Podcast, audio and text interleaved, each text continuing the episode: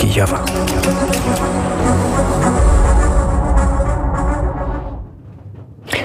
204 dzień rosyjskiej inwazji w dziewiątym roku wojny Rosji przeciwko Ukrainie.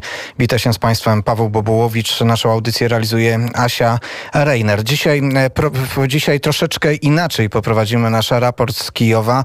Jesteśmy w Warszawie. To pierwsza sprawa, która w jakiś sposób powoduje, że nie do końca to jest w pełni raport e, z Kijowa, ale jesteśmy też nie w studiu, a w wyjątkowym miejscu, bo jesteśmy w domu ukraińskim w samym e, sercu Warszawy przy ulicy Emilii Plater i naszym gospodarzem jest Marek Sierant, rzecznik prasowy Domu Ukraińskiego. Dzień dobry Marku. Dobrego ranku, dzień dobry, witam radiosłuchaczy i patrzymy na piękną Warszawę z samego centrum z samego centrum na piękną Warszawę. Patrzymy też z góry, bo mamy przez okna wspaniałą panoramę. Mamy wspaniałą pan, panoramę, ale obok też mamy ten tak zwany prezent od Stalina, który tutaj obok nas jest. No ale mimo wszystko jest naprawdę pięknie. E, to fakt, zwłaszcza, że teraz okna wychodzą na drugą stronę, a nie na ten prezent od Stalina, więc e, można spokojnie przez nie e, spoglądać. O domu ukraińskim będziemy rozmawiali w drugiej części audycji, ale tradycyjnie kilka ważnych informacji, które przygotowała dla nas Daria Hordiko. Rosjanie przeprowadzili zmasowany atak rakietowy kinżałami i skanderami na Krzywy Róg, celując w budowle hydrologiczne. Rakiety uderzyły w tamę zbiornika Karaczuniwskiego. Lokalne władze wezwały do ewakuacji części mieszkańców miasta przed zagrożeniem powodziowym. Sytuacja obecnie jest już pod kontrolą, a prezydent Wołodymyr Zełęński, który w ogóle ten atak nazwał atakiem terrorystycznym, wczoraj odwiedził wyzwolone miasto Izium. Tam wziął udział w uroczystym podniesieniu ukraińskiej flagi. Około 6% terytorium obwodu charkowskiego pozostaje jeszcze pod rosyjską okupacją. Przed kontrofensywą wojsk ukraińskich okupowane było 32% terenów obwodu charkowskiego, poinformował o tym szef administracji wojskowej regionu Olek e, Siniegubow. W wyzwolonych miastach obwodu charkowskiego Ujawniane są fakty o strasznych torturach stosowanych przez Rosjan. Według prezydenta Załęskiego istnieją dowody na ludobójstwo Ukraińców. Widzimy to samo, co w Buczy, powiedział prezydent Ukrainy. Podczas kontrofensywy w obwodzie charkowskim wojska rosyjskie poniosły znacznie większe straty niż siły zbrojne, powiedział Oleksij Daniłow, sekretarz Rady Bezpieczeństwa Narodowego i Obrony. Liczby strat wroga w stosunku do naszych dokładnie w tym okresie wynoszą od 1 do 9 lub od od 1 do 10. E, przypomnę, że na naszej stronie i na naszym YouTubie możecie Państwo e, wysłuchać e, rozmowy, którą przeprowadziłem z sekretarzem Rady Narodowego Bezpieczeństwa i Obrony Ukrainy Oleksijem Daniłowem. Tam rozmawialiśmy jeszcze przed wyzwoleniem tych terenów, ale informacje, które podał sekretarz, myślę, że cały czas są ważne i aktualne. Jesteśmy w domu ukraińskim w centrum Warszawy i temat domu ukraińskiego za chwilę powróci w naszym raporcie z Kijowa, ale do domu trafiłem e, z wyjątkowym gościem. E, moim i Państwa e, gościem, gościem domu ukraińskiego jest Islam Belokijew. To rzecznik prasowy Międzynarodowego Batalionu imienia Szejka Mansura. Dzień dobry. Dzień dobry. E, panie Islamie, to, e, to o tym, że walczą Czeczeńcy po stronie ukraińskiej e, wiemy oczywiście od dawna. To nie jest jedyny batalion, który walczy po stronie ukraińskiej, ale opowiedzmy trochę o tym batalionie, zwłaszcza, że nazywa się międzynarodowy. Czy to oznacza, że jest złożony tylko z Czeczeńców? Kto wchodzi w jego skład? Jak jest to ważna siła w ramach sił zbrojnych Ukrainy? Jest to ochotniczy czeczeński batalion imienia Szejcha Mansura. Walczy on z 2014 roku. W skład wchodzą oczywiście większość to są Czeczeni, ale są tam Gruzini, są Ukraińcy, są um, Inguszy, są muzułmanie, chrześcijanie, ludzie różnych poglądów, których, których łączy jedno walka o wolność. Walka o wolność Ukrainy i walka przeciwko rosyjskiej agresji. E, gdy codziennie, prawie codziennie zaczynam naszą audycję protokół e, raport z Kijowa i e, opowiadam i mówię, który jest dzień rosyjskiej inwazji, zaznaczam, że to jest kolejny dzień w dziewiątym roku wojny i dla batalionu to też nie jest tylko ten rok, to nie jest czas wojny. Batalion walczy od dawna w ramach sił zbrojnych Ukrainy. Tak, walczy. Jak już powiedziałem, z 2014 roku uczestniczył w wielu operacjach ma własne osiągnięcia, własne, że tak powiem, metody walki, które się różnią od ZSU ze względu na to, że my mamy własne doświadczenie z walki z Rosją i głównie to jest walka taka zwiat, atak i odstąpienie, takie szybkie e, działania w taki sposób. No. Nie, nie walczymy pozycyjnie, tak, po, pozycjonalna wojna. Walczymy raczej e, e, dywersyjna wojna. Dywersyjna. E, wśród informacji, które oficjalnie można przeczytać o e, batalionie, e, jest też informacja, że braliście udział w obronie Kijowa w tym roku, w momencie, kiedy na początku rosyjskiej inwazji Kijów znalazł się prawie w, no, nie w pełnym, ale okrążeniu. Wtedy też mówiono o tym, że po drugiej stronie, że w ramach sił rosyjskich też walczą Czeczeńcy e, Kadyrowa i że to oni stanowili taką bardzo niebezpieczną część tych wojsk Federacji e, Rosyjskiej. Czy rzeczywiście tak było i czy e, walczyliście przeciwko Czeczenom? Przede wszystkim tak, była walka pod Kijowem.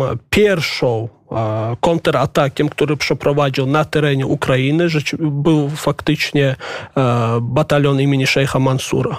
Pierwszy kontratak na całym terenie Ukrainy.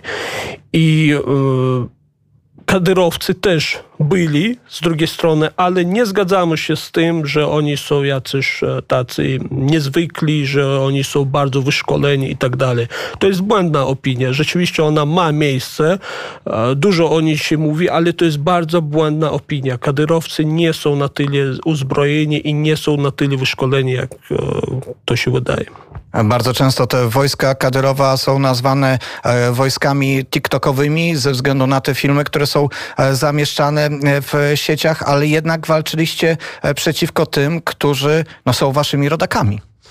E, rodak, nie rodak, ale zdrajca zawsze pozostaje zdrajcą. Czy to jest mój ojciec, brat, e, sąsiad, to nieważne. Zdrajca jest zdrajcą. Kadyrowcy są, są zwykli zdrajcy. Tak samo jak dzisiaj widzimy zdrajców wśród e, niektórych mieszkańców DNR, LNR i tak dalej, którzy wcześniej chodzili pod ukraińską flagą. Tak samo to są to są tacy sami ludzie. Niczym się oni nie różnią.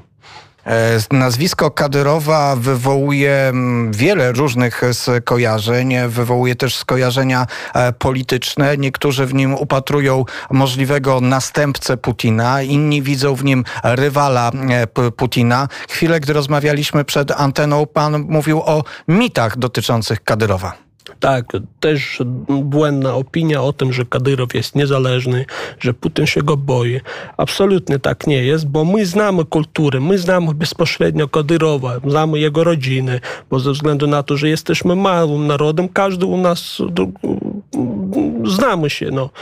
I Kadyrow jest zwykłym zerem, tak jak panu mówiłem, zwykłym, dużym zerem. No. E, on w pełni jest zależny od Putina. Jeśli Putin po prostu powie dość, Kadyrow zniknie, wyparuje po prostu. Czyli to nie jest tak, że Kadyrow ma swoje ambicje, że może chcieć jeszcze większej władzy, że jego ambicje mogą zderzyć się z ambicjami Putina?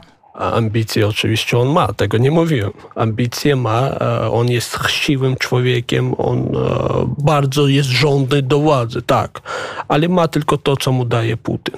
I mało tego, okrążenie Putina i cały, e, całe FSB, czyli Federalna Służba Bezpieczeństwa, oni po prostu nienawidzą Kadyrowa, bo Putin wyciągnął Kadyrowa ze wszystkich i powiedział, to jest mój, przepraszam, to jest mój piesek i ten piesek ma chodzić wolno po wybiegu. Nikt ma go nie ruszać.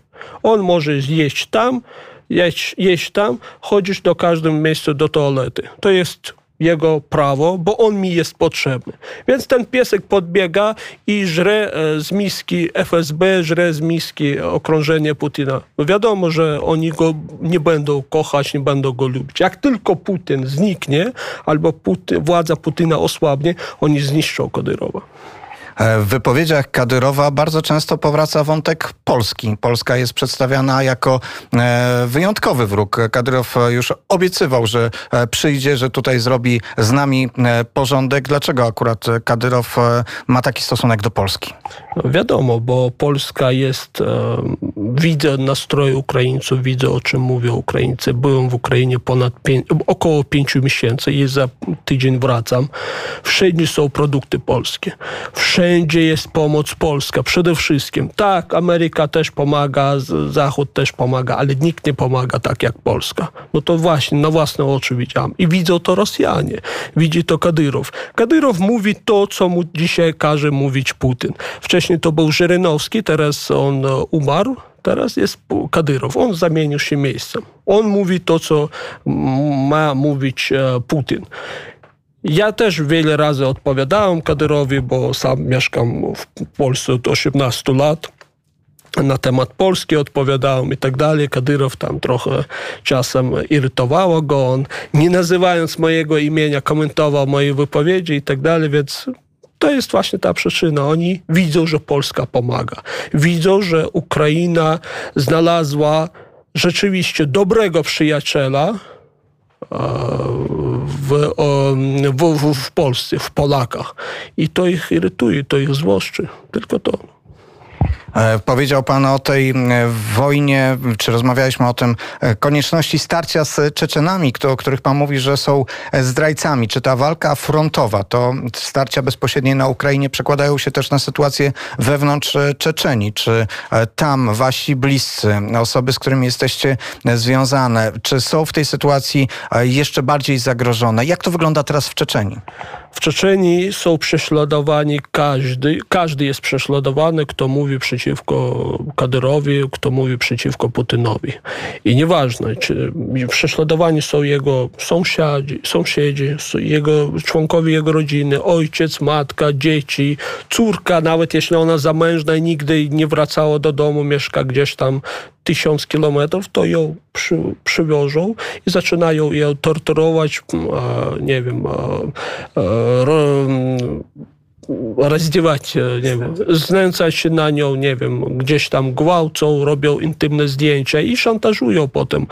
No właśnie taka sytuacja jest. Jeszcze trzeba powiedzieć, że na terytorium Czeczenii, które jest 17 tysięcy kwadratowych kilometrów, to jest bardzo mało. Ukraina jest 603 tysięcy kwadratowych kilometrów, czyli Czeczenia jest mniejsza od Ukrainy w 35 razy.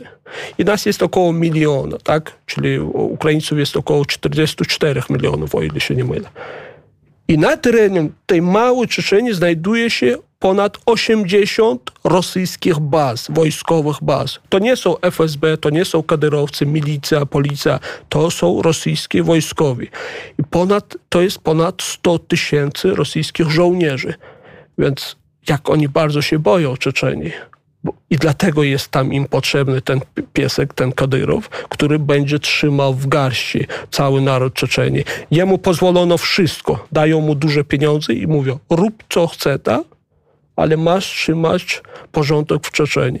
I on to robi doskonale. Nie ma dziś zamiany lepszej niż on.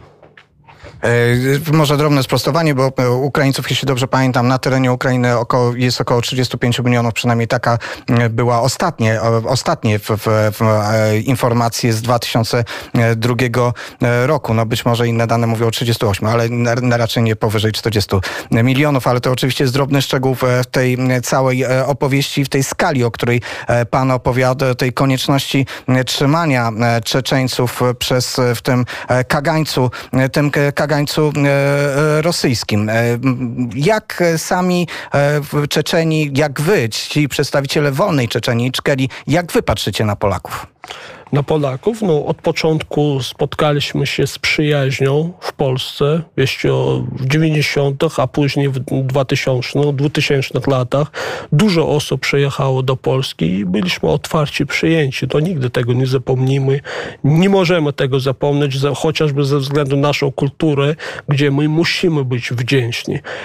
Dlatego nie ma słów, to nie, ma, to, to, nie można wyrazić słowami naszą wdzięczność i podziękowania. No, to są rzeczywiście ludzie, którzy udowodnili że sami chcą walczyć o wolność, bo mają bardzo bogatą historię walki przeciwko Rosji, przeciwko zaborom i tak dalej i udowodnili, że są zdolni i gotowi pomagać tym, którzy też chcą walczyć o wolność. To, to świadczy o tym, że słowo wolność jest wkodowane w kulturę e, Polski.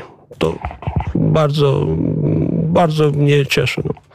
Jak pan widzi zwycięstwo ukraińskie? Co ono ma oznaczać dla was? Co ma się wydarzyć po zwycięstwie Ukrainy z Czeczenią?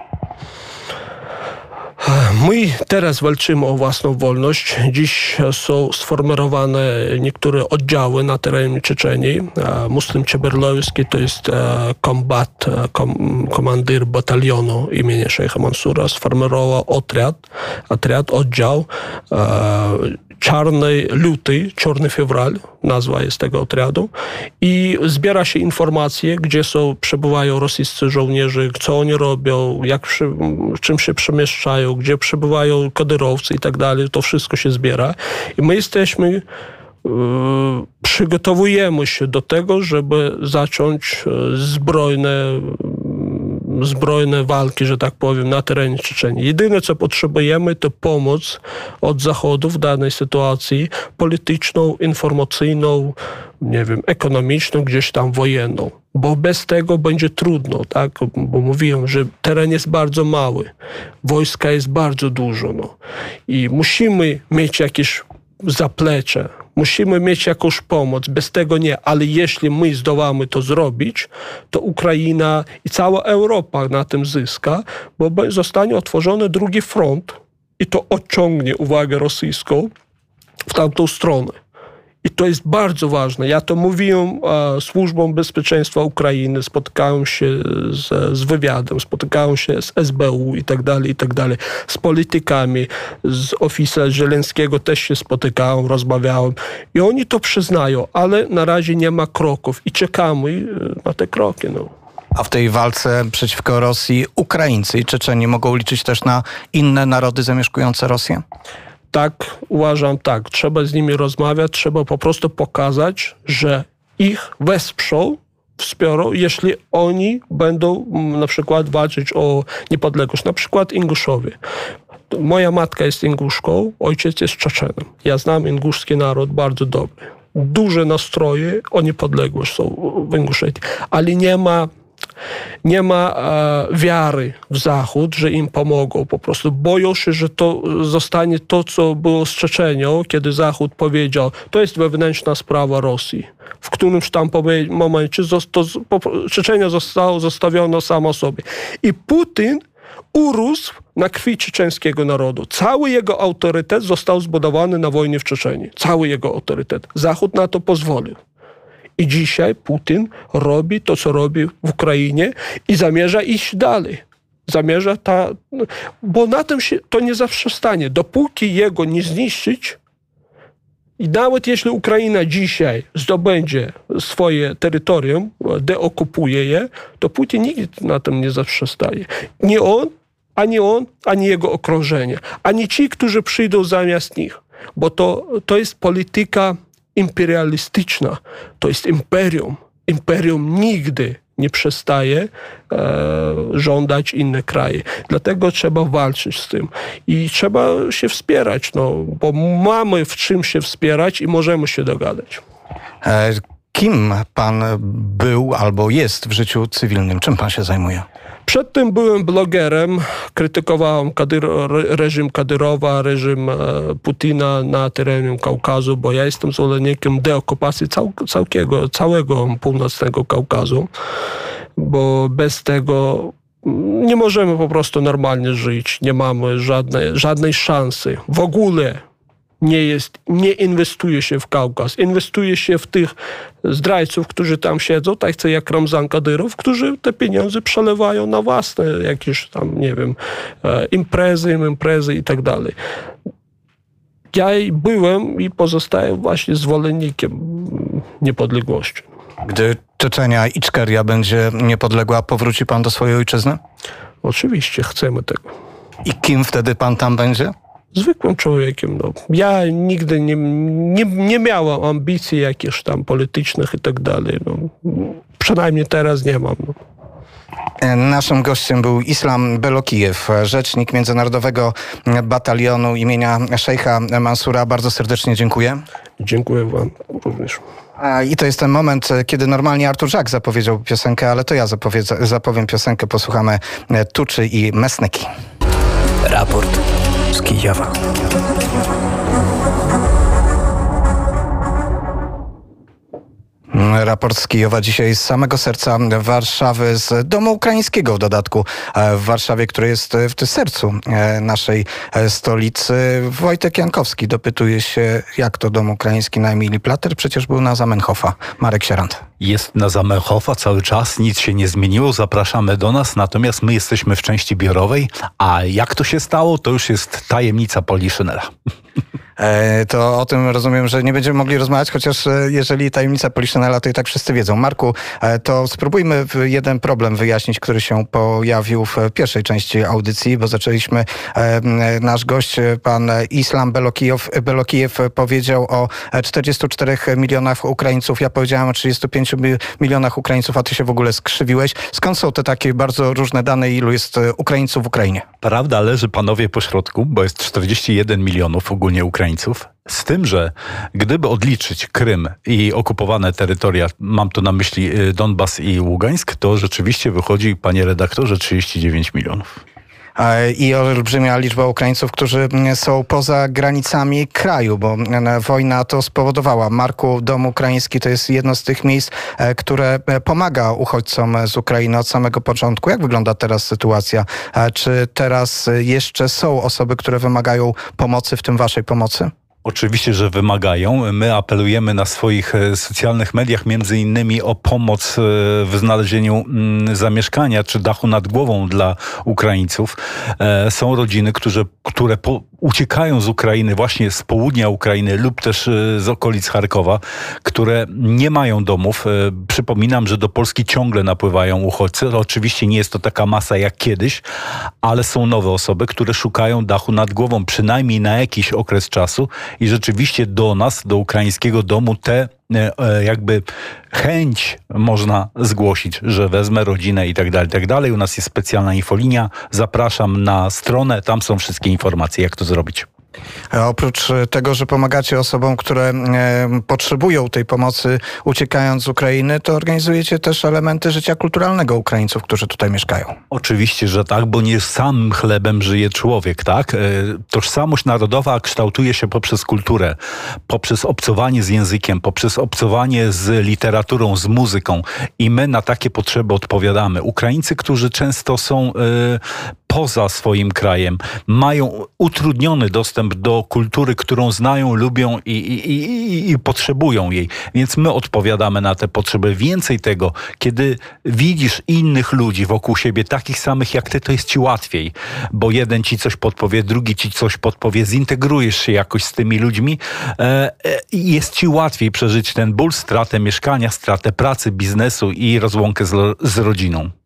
Marku, 24 lutego, a właściwie 25 lutego razem e, przekroczyliśmy granicę, wyjeżdżając e, z Ukrainy i opuszczając nasz ukochany e, Kijów. Są też takie osoby jak ty i ja, które tutaj się znalazły. Jeździsz teraz na Ukrainę, od tamtej pory byłeś wielokrotnie na Ukrainie. Jak sobie dajesz radę z tym, że teraz po wielu latach, po ośmiu latach mieszkasz w Warszawie, z powrotem w Warszawie? A to jest właśnie bardzo dobre pytanie, bo jesteśmy w moim rodzinnym mieście. Ja się tu wychowałem, ja się tu urodziłem, tu chodziłem do szkoły, ale ja się czuję jakby. Mm, I ja doskonale rozumiem Ukraińców, bo przecież tam miałem życie, przecież ty pamiętasz moje życie, ja pamiętam twoje, znamy się nie od dziś. E, I w jeden moment zostawiasz wszystko i, e, i musisz e, wrócić e, na stare śmiecie, ale te śmiecie już nie są takie twoje. E, wrosłeś tam, zapuściłeś korzenie, ktoś cię wyrwał, ktoś cię przeniósł. I no i to jest tak, że jak ja jeżdżę na Ukrainę, to ja oddycham. Ja czuję, że ja tam y, oddycham pełną piersią. A tutaj to jest taki na pół gwizdka, bym powiedział. Jest fajnie, jest bezpiecznie, ale czegoś brakuje. Oddychasz na Ukrainie, ale to też nie jest ta sama Ukraina, e, która była do 24 lutego. Nie jest, bo jest e, kryzys, jest wojna, jest drożyzna, e, ludzie nie mają pracy, e, budżet państwa trzyma się tak naprawdę tylko na pomocy Zachodu. No nie jest, jest smutno, jest przykro, ale wszyscy mamy nadzieję, że to się niedługo skończy i odbudujemy Ukrainę. Powiedział Marek Sierant, rzecznik prasowy Domu Ukraińskiego e, w Warszawie, z którego siedziby spoglądamy teraz na Warszawę z góry, na piękną Warszawę, chociaż e, zachmurzono. Raport z Kijowa jutro o godzinie 9.30, w sobotę e, program wschodni. Bardzo serdecznie zapraszam. A teraz się już żegnam. Paweł Bobułowicz, naszą audycję zrealizowała Asia Reiner i Marek Sierant. Chce się jeszcze coś powiedzieć? Dziękuję bardzo, do widzenia. Dziękujemy bardzo Markowi też. Do usłyszenia, do zobaczenia. Raport z Kijowa.